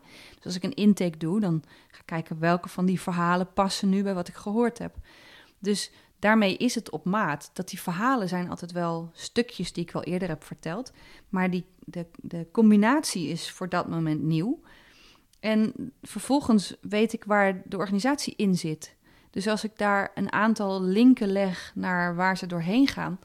Wat ik dan zo mooi vind, is wat ik dan hoop, is dat die verhalen op zich um, archetypisch goed zijn, zeg maar. En als je ze licht, legt in hun context, dan breien mensen zelf wel hun verhaal ervan. Ik hoef dan niet zoveel mee te doen. Als je maar ruimte geeft dat ze dat kunnen doen. En dat is waardoor mensen zich lijkt alsof je hier heel lang hebt gelopen. Terwijl ik beschrijf natuurlijk dingen, ja, antropologie beschrijft hoe mensen dingen doen. Dus het zou heel raar zijn als we denken, hè, dat heb ik nog nooit. Uh... Nee, ik beschrijf als mensen bijvoorbeeld niet kunnen zeggen wat ze eigenlijk zouden willen zeggen. En ze voelen zich ongemak, maar durven niet zeggen. Ja, dan gaan ze grapjes maken of een beetje roddelen. Ja, de, ja, de, dat weten we allemaal wel. Maar als je dat zo goed uitlegt en daar en de theorie bij kan pakken en een mooi voorbeeld en mezelf daarin schrijven, wat ik daarin meemaak. En dan, ja, top of de bill nog iets zeggen wat er voor die groep op dat moment speelt. Ja, dan heb je een heel mooi totaalpakket, waardoor je de, de standaard dingen, standaard verhalen, die, het, die, uh, die de kern van mijn werk vormen, uh, elke keer weer in het hier en nu laat ontstaan. Ja, en het grappige is natuurlijk ook dat, dat was in ieder geval wat ik ontzettend ontdekt heb tijdens mijn studie, is um, we willen graag uniek zijn, anders zijn. maar ook weer niet. En we zijn ook niet anders. We, zijn, we lijken in de kern op iedereen om ons heen. Uh, we hebben mensen om ons heen verzameld die op ons lijken. We zitten in een wereld die op onze wereld lijkt, omdat we nou eenmaal in die wereld zitten. We zijn in opgegroeid, weet je, we zijn naar school gegaan, mensen het is allemaal bekend. En dus ook de problemen die je beschrijft, die zijn heel bijzonder. Nee, die zijn voor iedereen hetzelfde. Alleen op het moment dat jij een verhaal vertelt en ik luister, dan hoor ik niet jouw verhaal, ik hoor mijn eigen verhaal. En ik, ik, ik, ik voel en ik proef en ik ervaar van, oh nee, natuurlijk, dat is ook zo bij mij. Dat ben ik heel blij dat dat gebeurt. En als dat gebeurt, want ehm, ja, dat is het mooiste. En dat is wat ik vaak zie gebeuren. Dat mensen die hebben zoveel, die komen ook naar me toe, zoveel voorbeelden. En um, um, maar ja, we willen uniek zijn. Dat, we willen vooral uniek zijn op die dingen waarvan onze groep waar we in bevinden, uh, ja, hoge punten voor geven. Dus als onze groep waar we ons in bevinden zingen heel belangrijk vindt, dan willen we daar graag uniek in zijn en niet in kleien. dus we hebben een soort uh, gemeenschappelijke streven naar uniciteit. En um, ja, en daar ben je dan heel erg jezelf in. En ik moet er altijd heel erg belangrijk naar denk vroeger aan de punkbeweging. Dat je ontzettend punk, heel erg zelf, maar het is allemaal hetzelfde. Net als alle hipsters op elkaar lijken, weet je. Dus um, ja, ja, we zijn uniek, maar wel met elkaar. En, en, daar, en ja, dat, dat noemen we de inclusieparadox in mijn werk. En dat is, je wil autonoom zijn en individualistisch. Willen we over de hele wereld willen we een individu zijn. En tegelijkertijd willen we in de groep zitten. Dat kan je dan collectivistisch noemen. Ik vat dat heel graag samen in wees jezelf en pas je aan. Gewoon twee lekkere zinnen. Dus wees jezelf, laten zien wie je bent. Uniek, uh, onderscheidend, uh, gaaf, nou, anders. Dare to be different. En tegelijkertijd doe even een beetje normaal alsjeblieft. Want dit, dit is heel vervelend nu. Of dit is heel onhandig. Of pas je een beetje aan. Of voeg in. Of en dat, dat zegt de ander tegen je, maar dat wil je zelf ook wel. Dus gewoon, ik wil ook gewoon ergens bij horen. Ik wil niet de hele tijd aan de rand staan. Dus ja, we hebben die, die, dat verlangen om, om gezien te worden voor wie we zijn, om in te voegen. En dat is per culturele groep over de hele wereld wel anders. En elk bedrijf heeft er een andere ja, startpositie. Of, of politie zal iets meer op, op uniformiteit doen, uh, in, omdat een uniformdienst dan een start-up in een garage, weet je. Dus dat is anders. Maar beide zitten met dat dilemma te struggelen. En ik denk dat dat... Je hebt meerdere dilemma's in het leven, maar deze voor mij... Um, komt op allerlei manieren elke keer weer terug. Uh, en, en, voor mij is, is deze uh, belangrijk gekoppeld aan um, power en love. Dus aan daadkracht en begrenzing en aan verbinden en samen. En, en dat is ook zo'n basisdilemma waar we onwijs mee lopen te stoeien. En hij, hij ligt een beetje in het verlengde van wat ik net zei. Maar de... Stuur je daar dan het hele leven mee? of houdt dat een keer op? Ik ben bang van wel, ja. Of bang, ik denk dat dat de beauty is. Dus ja. Yeah. het is niet, omdat het, je kunt niet kiezen. Het is geen of-of vraagstuk. Je kunt nooit oplossen. En het is, ik, ik beschreef toen ik met, uh, met, met uh, werkte, en dat, dat, is een verhaal waar ik eigenlijk al twintig jaar mee werk, maar nu pas heb opgeschreven. Dat is, dat is wat het boek is. En um, ik heb ooit een lezing gegeven bij een, een, groot ziekenhuis. En toen kwam aan het eind kwam een, een hoogleraar naar me toe. En die zei van, um, je, u, u, hij zei u natuurlijk. natuurlijk. u, u vertelt het verhaal van mijn vakgebied. En ik had, het was grappig, want ik had het ook gehad over nou ja, diversiteitsbeleid en uh, uh, klonen en, en uh, gelijke kansen. en heel veel HR-taal ook, talenten en programma's en dat soort dingen. Ik zei, oh wat leuk. Ik zei, wat is dan uw vakgebied? En wat denk je? Arts. Nee, ja. Schoonmaker. Hij was seksuoloog. dat is ongeveer ook mijn reactie. Ik denk, yeah, right. Hoe dan echt? Maar toen gaf hij mij zijn oratie en dat was prachtig. En hij zei van ja, als je eigenlijk gaat het werk, maar we noemen, dus we gebruiken andere taalframes. Maar hoeveel organisaties hebben in hun slogan passie voor huppelde staan?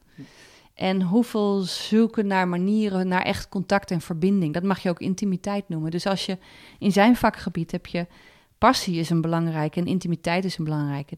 En dat lijkt nou niet helemaal, ik kan het niet één op één leggen, maar power love. Dus je wil aan de ene kant wil je, ja, dan wil je dat mensen passie, nieuwe dingen ontzoeken, eh, in vuur en vlam voor iets staan. Weet je, dat is wat we willen. Maar als het moment dat je daar dus induikt en, en in zijn vakgebied gaat het over slaapkamers, in mijn vakgebied gaat het over samenwerken. Maar als wij samen passie voelen voor een onderwerp of voor een probleem of voor elkaar, omdat je heel leuk collega's bent, dan, dan gebeurt er iets extra's. En dat is wat we in organisaties willen. We willen dat extra. Maar dat betekent dat ik, op het moment dat ik dat ga doen en me, me daarop uitspreek, neem ik heel veel risico.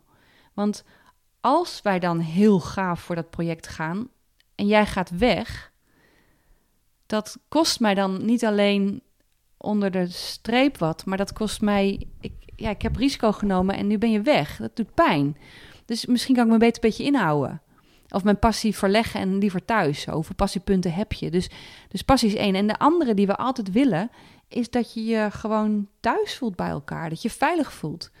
En dat is een vorm van intimiteit. En, Hmm. en, en ook bij die intimiteit komt weer het punt dat je die alleen maar krijgt als je risico neemt. Want ik ga alleen maar intiem voelen bij de ander als ik aan zelfonthulling doe. Als ik iets vertel over mezelf. En dat is heel eng, want misschien vind je me dan wel stom als je dat van me weet.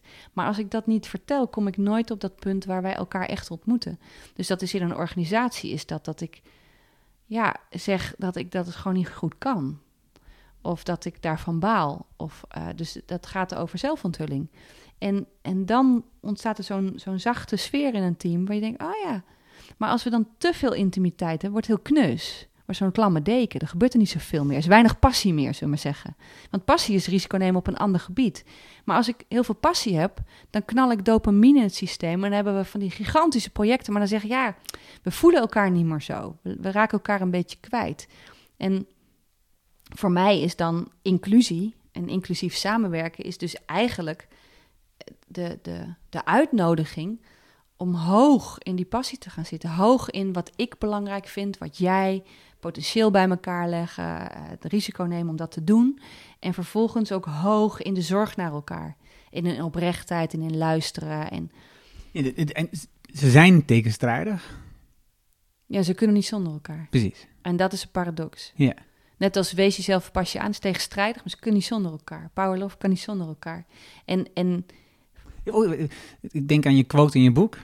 Uh, everything is sex, except sex is power. Dus het is eh, niet de exacte bewoording, maar dat, komt die ook uit dit? Nou ja, niet per se, maar we, wat we, nou ja, deels. Kijk, wat er de hele tijd doorheen fietst, is dat we. ehm, kijk, terug naar de basis van mijn vakgebied. Wat is cultuur? Cultuur, dus het gaat ervan uit dat niks betekenis van zichzelf heeft. Alles is er gewoon. Dus geen enkel gedrag is goed of fout van zichzelf. Dat moeten we samen beslissen. Geen enkel kledingstuk is van zichzelf mooi of lelijk. Dat moeten we samen beslissen. Geen enkele procedure is waar of niet waar. Dat moeten we samen. En, en dat is cultuur. Dus cultuur geeft ons een frame van die categoriseert. En, en die doet dat op heel veel fronten, maar onder andere op wat is mooi, wat is lelijk, wat is waar, niet waar, goed en fout.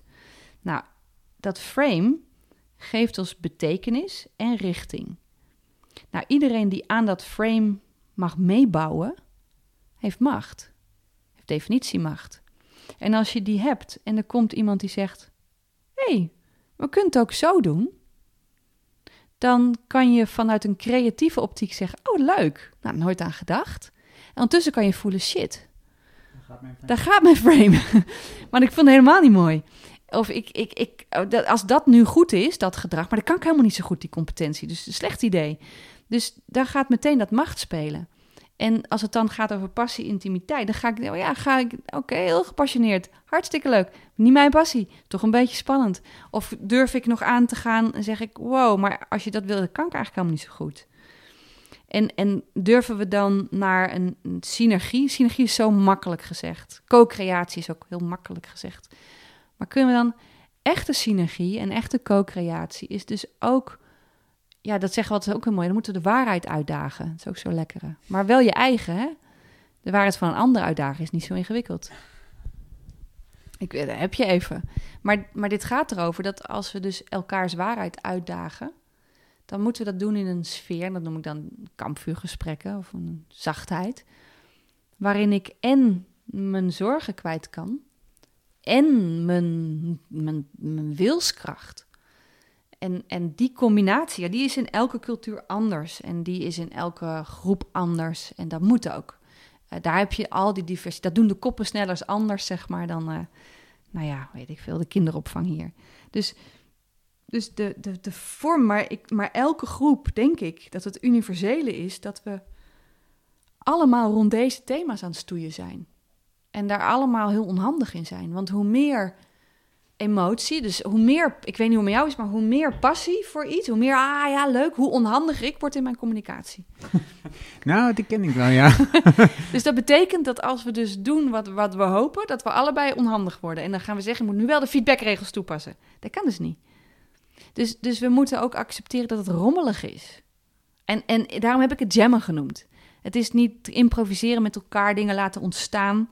Juist geen script maken, maar een storyboard en, en wel ongeveer. Maakt dat je, dat je iets unieks kan laten staan. Ik, er was een, is een, ehm, ik ben vergeten wie het was, dat is een beetje stom. Maar is een muzikant, een producent. Die zei van ja, als je muziek maakt. ehm, en, en Typhoon werk ik af en toe mee, die, die haalde hem aan, maar ik, nou, ik weet het nou niet meer. En die, die zei van je moet 80% moet je, of 70 of 80% moet je inregelen. En je you gotta leave out 20% for God to enter. Dus als je alles dichtregelt, kan de magie niet ontstaan. En in de magie, dat is waar het gebeurt. Dus als je, ja, en, en, en het is zoeken, maar dat is onzeker. En nu ik daarover nadenk, misschien zit daar wel ergens een zoektocht van mij, die magie. Ja, want wat zoek je dan? Ja, dat, dat is iets wat ik niet zo goed weet nog. Ehm, eh, maar ik ben erg van vaste processen, vaste manieren. Dus ik schrijf elke dag, in de ochtend, ik lees veel. Allemaal vaste ritmes, dus enorm waar ik van hou, want dan weet ik dat mijn... Als ik het proces volg, weet ik dat het uiteindelijk goed komt. Dat is een beetje eh, het gevoel wat ik daarbij heb, weet je. Eh, Als ik het proces volg, dan gaan mensen mij vinden. Maakt niet uit waar, weet je wel. Ze, gaan me vinden. En waar zit dan bij jou de verrassing? Nou, dit, dit- nou, die zit natuurlijk bijvoorbeeld hier. Ja, Weet je, dat je ehm, een gesprek hebt met iemand. Wat je van tevoren denkt, ah, dat wordt vast een gaaf gesprek, want ik vind haar leuk, dat is makkelijk. Dat is het bekende patroon.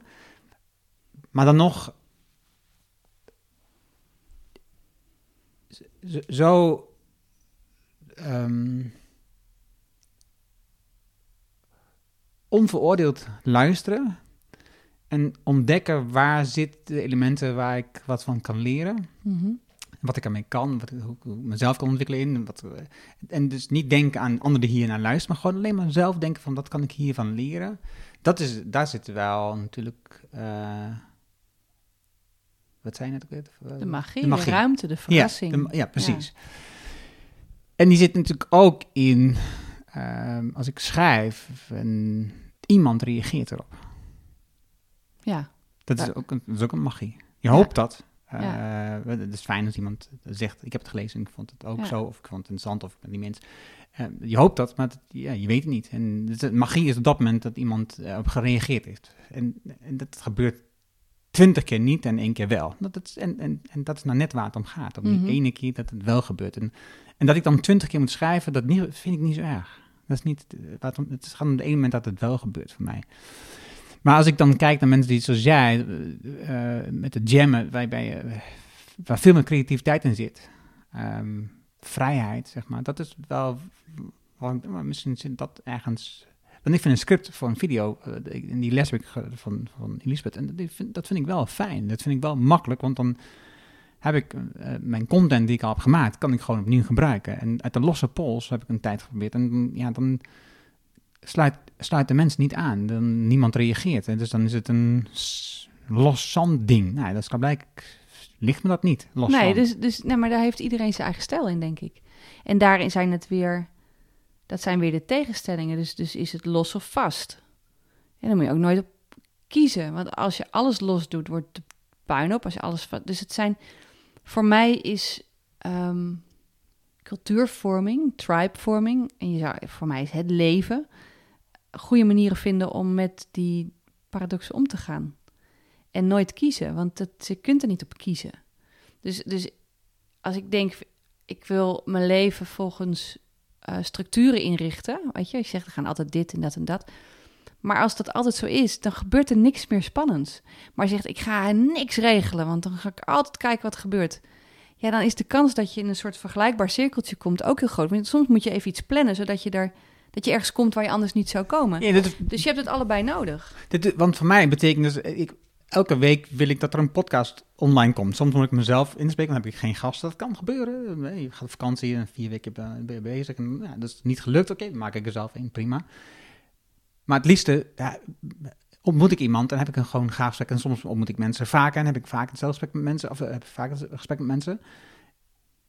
En dus het plannen zit erin dat er elke week een, een podcastaflevering Ja, en is. dat is je cadans. Dat is je hartslag. Precies, en, maar het, het, het, de vrijheid, de, de ontdekking zit in, in het gesprek op dat moment met die persoon. Ja. Wat heeft die persoon zo gemaakt? Wat is er gebeurd? Waarom, waarom doet hij dit en waarom Ja. niet dat? En dat vind ik dus mooi. Ja, ja, ik ook. En, en voor mij zit het in dat ik kijk naar eh, de lezingen bijvoorbeeld die ik geef. Ik heb zoveel te vertellen, dus ik kan heel goed 60 minuten van tevoren echt wel... eh, dat doe ik ook altijd, het zit altijd ruim op. Dus ik moet altijd flexibel door mijn slides kunnen, want dan sla ik ter plekke, denk nou, dat sla ik over. En dat hangt van het moment af. Maar mijn uitdaging zit er wel in. oké, wat nou als ik 60 minuten tijd heb, maar ik bereid 50 of 55 minuten voor? Dan staat gewoon te weinig, zeg maar. Dat is wel next level.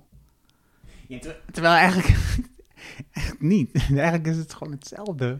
Ja, Want- en want toch ik- niet, want je, want je weet zeker dat je dan een stukje ter plekke echt moet laten ontstaan. Maar, het, maar dat doet het anders ook. Ja, maar dan is het voor me in mijn hoofd, eh, heb ik iets, nou, heb je, je hebt gewoon nog een verhaal klaarstaan. Maar dat is het punt. Maar het is dan in heb jouw je dan, ja, tuurlijk. Maar dat is, daar gaat het ook over. Het is ook in je hoofd. Ja. Ik weet, ik was laatst, wat gaf ik een lezing en ik had vlak van, ik doe altijd vlak van tevoren dingen veranderen. Dat is heel eh, vervelend voor Heel sommigen. sprekers eigen. Ja, heel, maar en niet elke organisatie vindt dat eh, prettig. Eh, maar dat is wat ik doe. Het liefst nog een uur van tevoren. Of zelfs het liefst nog terwijl ik mijn laptop aan het aansluiten ben. Ik, ik vind dat fijn.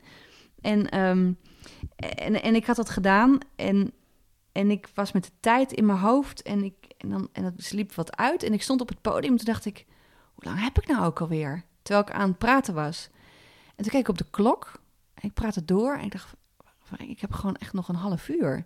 En toen keek ik naar mijn slides. dacht ik, ik heb gewoon te veel eruit gehaald. Vlak van tevoren. Shit. En ondertussen ging mijn verhaal door. En, en natuurlijk was ik, ik kan daar, nou ja, wat je zegt, het zit natuurlijk in mijn hoofd. Want het is niet afhankelijk van de slides wat ik wel of niet vertel. Maar ik stond daar. En dat je even voelt van, ik heb gewoon tien minuten over. En, en, eh, en dat was een mooi gevoel. Dat je eerste paniek, shit.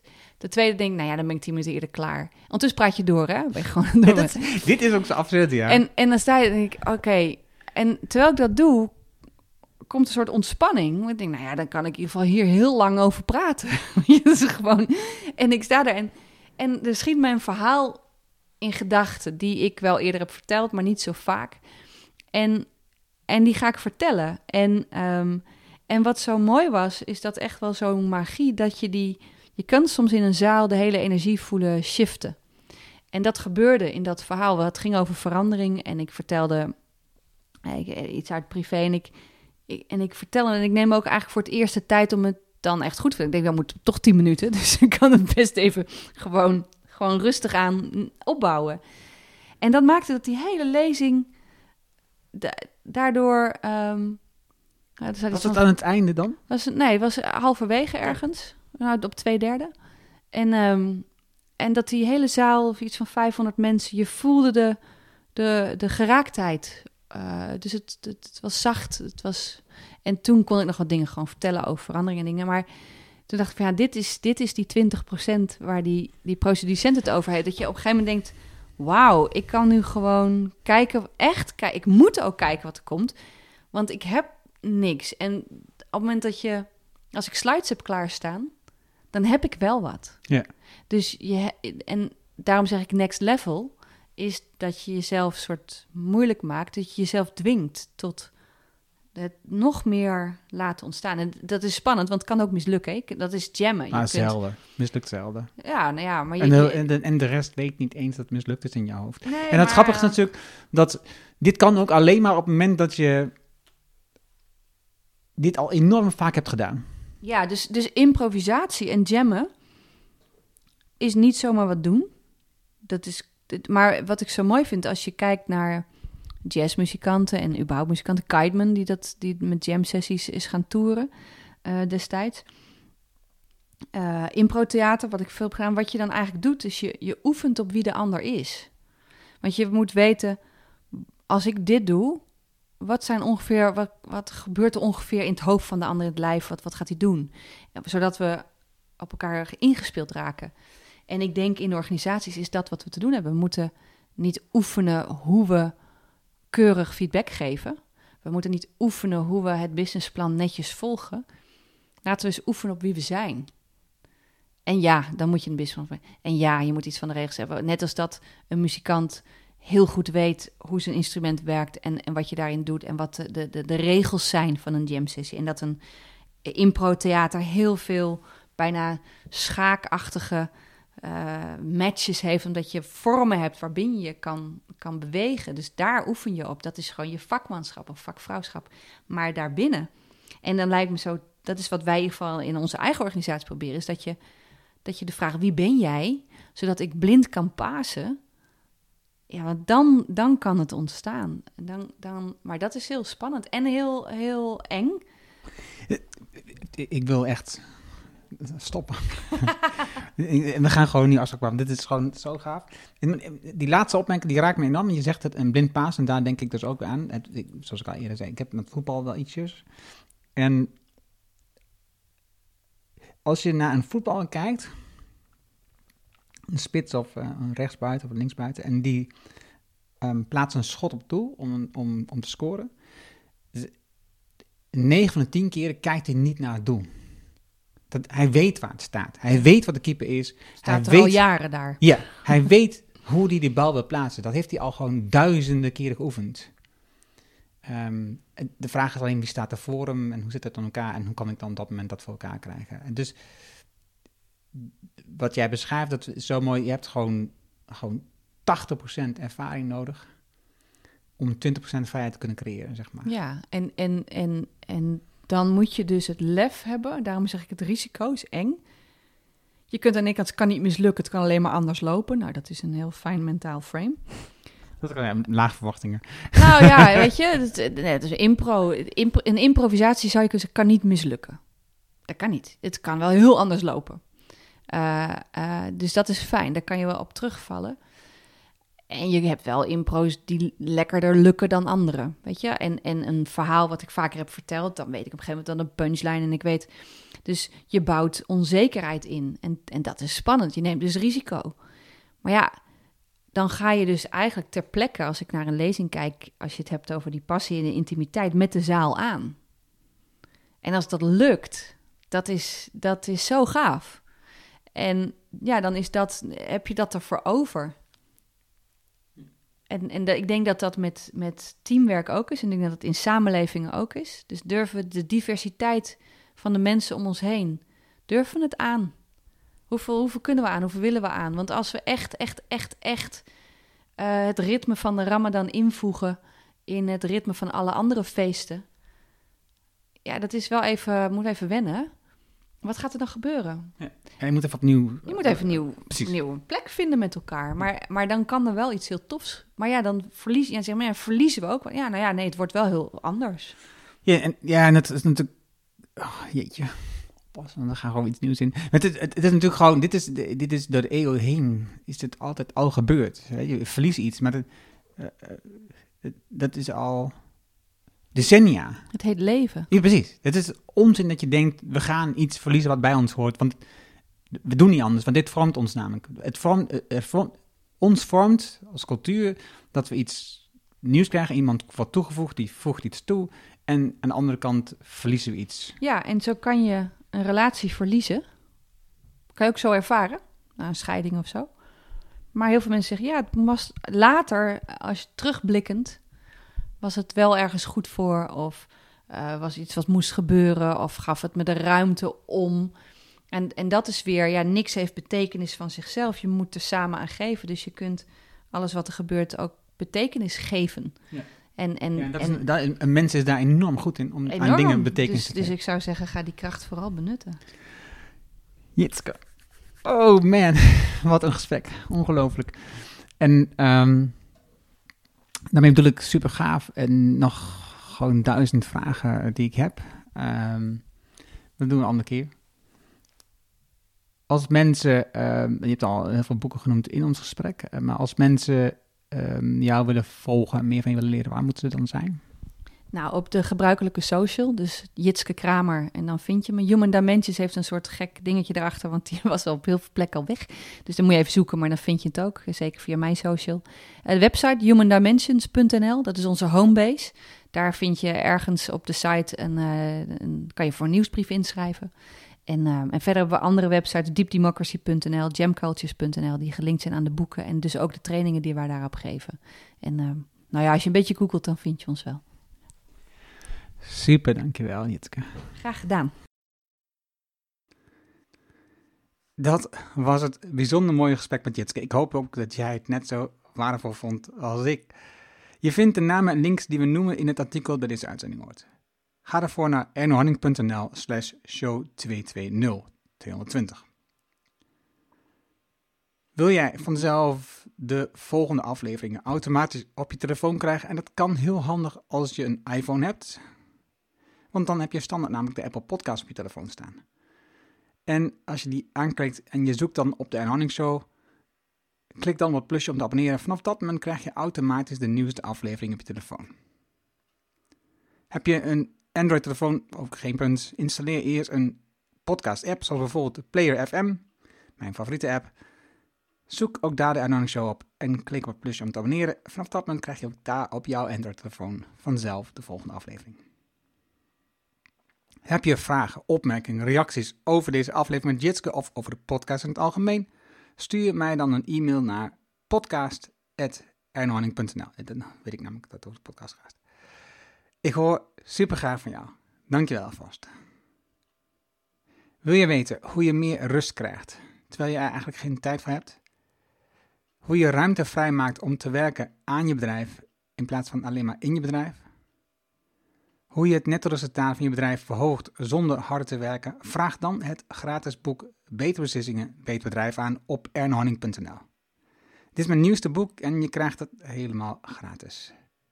Wil je het fysieke boek, dus niet een pdf, maar gewoon in twee keer bladeren, dan betaal je alleen de verzendkosten en krijg je het boekje nog steeds van mij. Vraag nu jouw boek aan op ernhonning.nl. En ja, ik weet, je bent druk, net als ik. Je leest het in één avond uit. Echt, ik beloof het je. Dankjewel en graag tot de volgende.